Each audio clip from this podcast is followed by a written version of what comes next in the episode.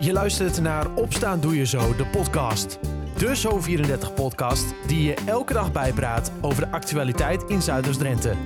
In een klein kwartier ben jij weer helemaal op de hoogte. Het is donderdag 13 oktober 2022. Dit is Opstaan Doe Je Zo, de podcast aflevering 264. Het is een wisselvallige dag vandaag, met af en toe droog en dan weer een bui. Bewolkt is het sowieso met 14 graden. Met in het Zuidoost-Drentse nieuws een asielzoeker uit Eritrea moet voor zes weken de cel in omdat hij 23 auto's vernielde in Terapel. Naast de celstraf moet de man ook een schadevergoeding van 700 euro betalen. Zometeen meer nieuws uit Zuidoost-Drenthe en je hoort over nieuwe ecologische woningen in Exlo. Maar eerst ander belangrijk nieuws uit de gemeente Emmen. Want gisteren heeft de gemeente de plannen aangekondigd voor de N862, de weg tussen Emmen en Klazinaveen. Tijd dus om die plannen te bespreken met de projectleider. En dat is uh, Harold van der Helm. Harold, we kunnen hier wel spreken over een groot project volgens mij. Ja, dit is wel een, uh, een echt een aansprekend project. Echt een lang gekoesterde wens van de gemeente. Uh, ja, het omvat nogal wat. Ja, ja. ja er lagen uh, vier plannen als het ware zeg maar, op tafel... naar aanleiding van focusgroepen, toch? Hoe, hoe zat dat precies? Ja, dat klopt. we zijn aanvankelijk begonnen met het plan om de weg te verdubbelen en nog een variant erbij. Mm-hmm. En we zijn met een focusgroep waarin dus uh, de dorpsverenigingen Nieuw-Dordrecht, Klassineveen, Bark Angerslo, Oranjedorp vertegenwoordigd zijn. Met ook een aantal bedrijven, onder andere ondernemend Emmen. Yeah. En daaruit zijn nog twee andere varianten naar voren gekomen vanuit die omgeving. En die hebben we gewaardeerd en beoordeeld. En daar is één focusvariant naar voren gekomen. Ja, uh, uh, kun je eens even vertellen uh, wat er allemaal, zoals het nu lijkt in ieder geval, want de plannen zijn dus gepresenteerd. Het is nog niet allemaal volgens mij in beton gegoten, maar dit is wel een beetje zo van, nou hier willen we wel naartoe. wat, wat daarin staat? Ja, dat klopt. Het is nog niet in beton gegoten. We gaan natuurlijk naar de dorpen toe ehm, binnenkort. Nou, eigenlijk de, de meest uh, in het oog springende is dat uh, daar bij Nieuw-Dordrecht, de kruising bij Nieuw-Dordrecht waar die verkeerslichten staan, dat daar nu een ongelijkvloerse kruising komt. Ja. Waarbij uh, de weg Emmen-Klazineveen zeg maar naar beneden gaat. En de verbinding tussen Nieuw-Dordrecht en Bargemeer, dat dat zo blijft op het maaiveld zoals het is. Met daar ook de fietsers op, het, op een veilige oversteek kunnen realiseren. Ja, dat is het meest in het oog springende onderdeel. Ja, en, en dan moet ik een beetje voor me zien zoals zeg maar, op dit moment bijvoorbeeld ook uh, uh, de rondwegaansluiting bij Angerslo ligt.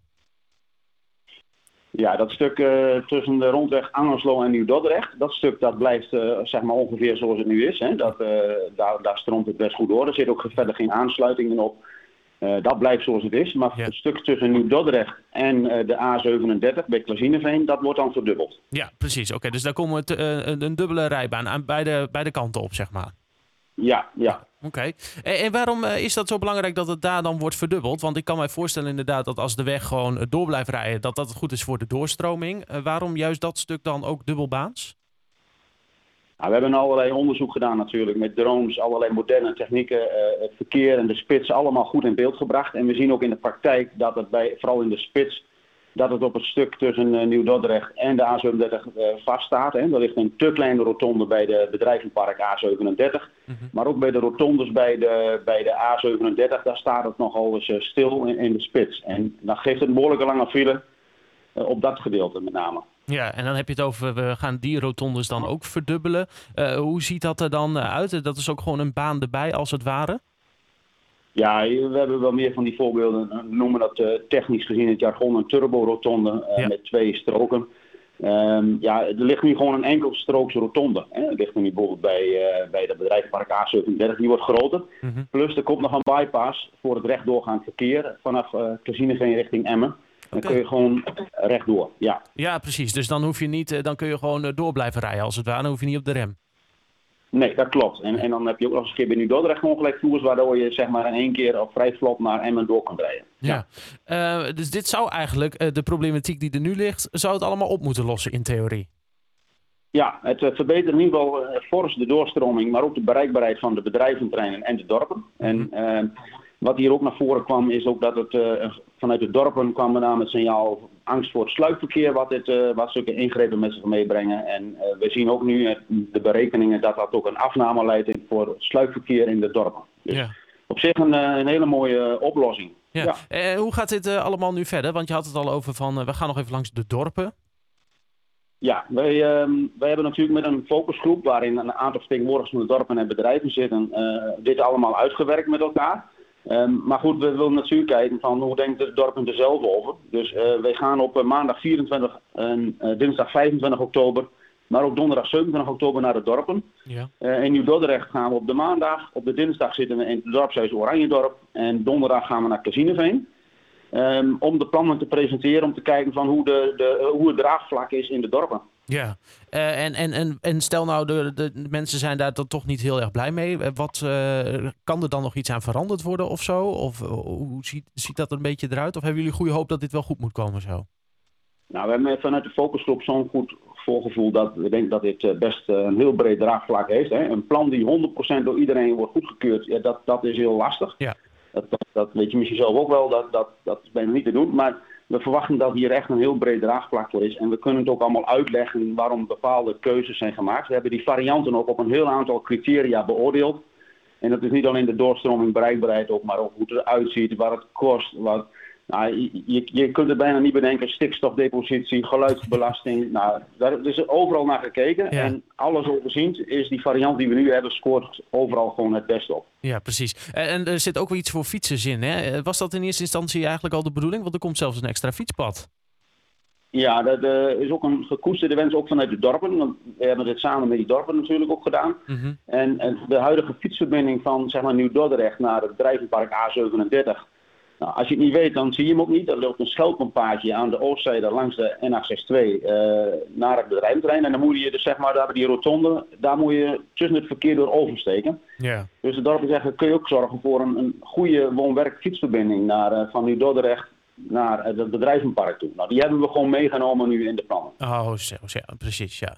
Hey, en uh, uh, tot slot, uh, want stel alles bij de dorpen en zo gaat goed, dan, ik hoorde de wethouder zeggen 2024, dan kan de eerste schop de grond in.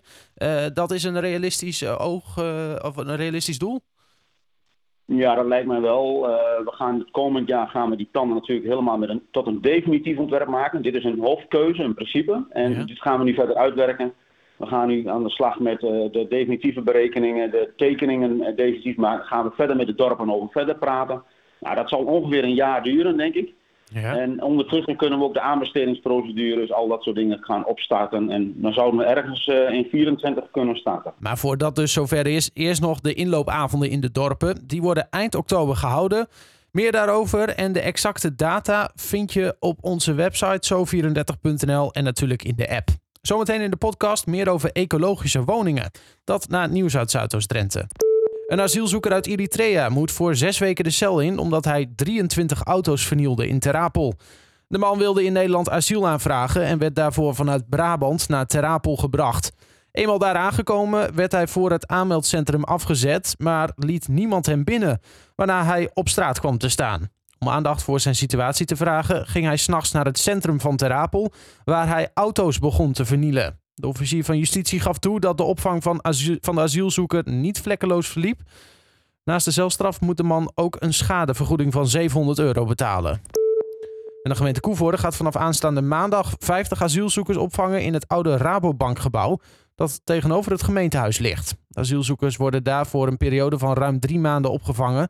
Tot die tijd wordt het gebouw nu omgetoverd voor de opvang daarvan. Daarmee verlicht de gemeente de druk op het aanmeldcentrum in Terapel, waar het al maanden extreem druk is. En een 22-jarige man uit Marokko is door de politierechter in Assen vrijgesproken van het spuiten van een vloeistof door het hek van het asielzoekerscentrum in Terapel. Vijf mensen, onder wie een beveiliger en twee medewerkers van het centrum, kregen 5 september een bijtende stof in hun gezicht. Het vijftal kreeg last van branderige ogen, benauwdheid of misselijkheid. Ambulancepersoneel behandelde hen ter plekke, maar niemand hoefde naar het ziekenhuis. Op basis van camerabeelden werd de man direct naar het incident opgepakt. Maar de rechter was op basis van die camerabeelden niet met 100% overtuigd dat het de 22-jarige verdachte was die op dat moment met de vloeistof spoot. Tot zover. Dit en meer vind je ook online op zo34.nl en in onze app. In Exlo heeft de woonservice een aantal ecologische woningen gebouwd. Ze worden binnenkort opgeleverd en vandaag kunnen nieuwsgierige mensen alvast een blik werpen. Reden genoeg om ook eens even te kijken wat het nou is, dat ecologische wonen. Ik spreek erover met directeur-bestuurder van woonservice Botilda Buma. Botilde, ecologische woningen. Hoe moet ik mij dat voorstellen? de woningen die daar staan, uh, die zijn gebouwd met hoofdzakelijk materialen die in de natuur te vinden zijn. Mhm. En uh, dat je kunt het aan de buitenkant al zien, er zit veel hout in. En um, om even iets uh, ja, voor achter de schermen duidelijk te maken, de woningen zijn geïsoleerd met stro. Ja. Nou, dat is gemakkelijk te vinden. Hè? Dat is gewoon een afvalproduct van de, van de agrarische sector. Dus wij bouwen daar, dat wordt dan helemaal gesnipperd en dat wordt dan uh, ja, tussen de muren uh, gespoten. Ja, ja. En ja, dat maakt dat. We zijn, ik ben een paar keer op de bouw geweest, ook tijdens de bouw. En ergens van de zomer was ik er ook, toen was het hartstikke warm buiten. En wij waren binnen en we hadden zoiets van, oh wat is het hier heerlijk. Het was, het was cool, het was een heel prettig leefklimaat.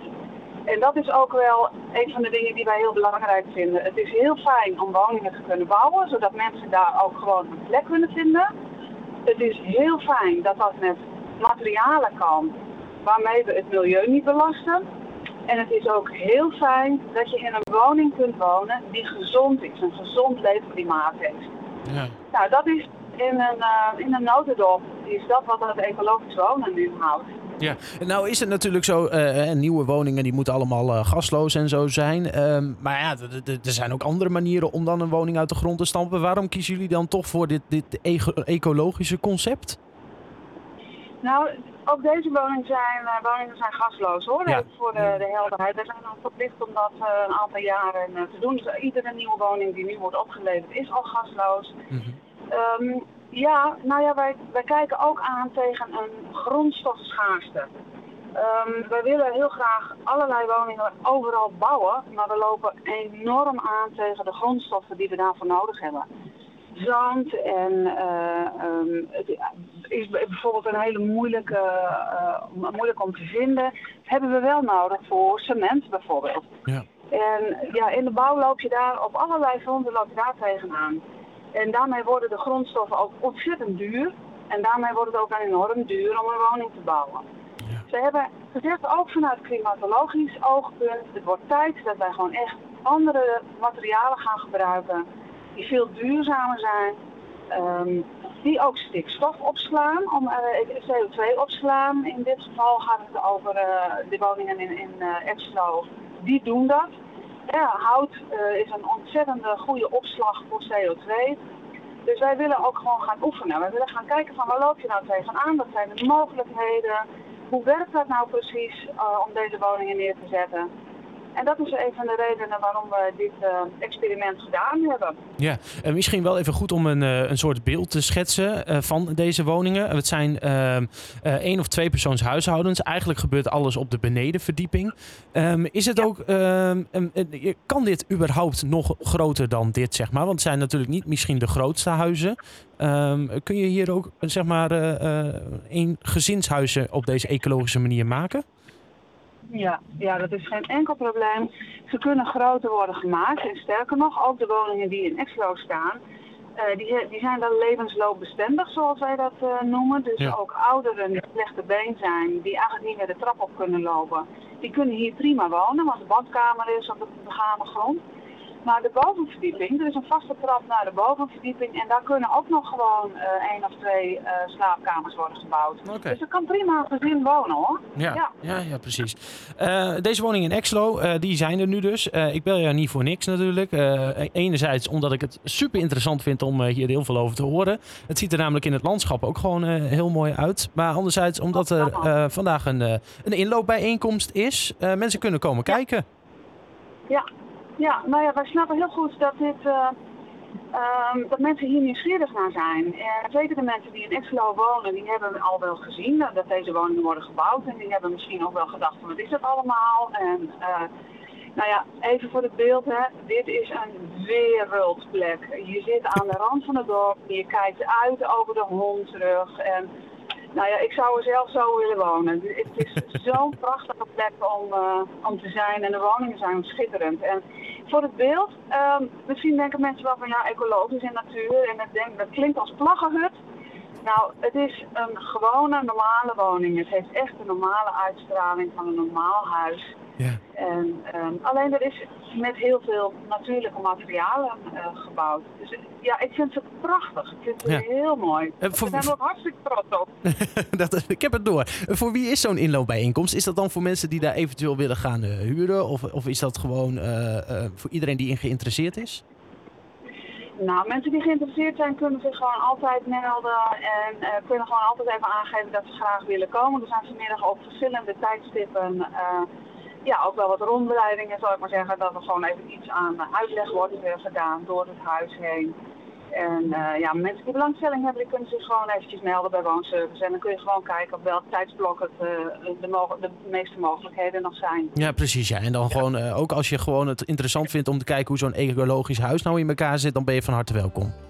Ah, gewoon doen. Hartstikke gewoon leuk. Doen. Vinden wij hartstikke leuk. Ja. Vandaag kun je dus kijken op welke momenten dat is en meer over deze toch wel speciale woningen. Dat vind je allemaal op de website van Woonservice. En daar kun je je dan ook eventueel nog aanmelden voor de inloopbijeenkomsten vanmiddag.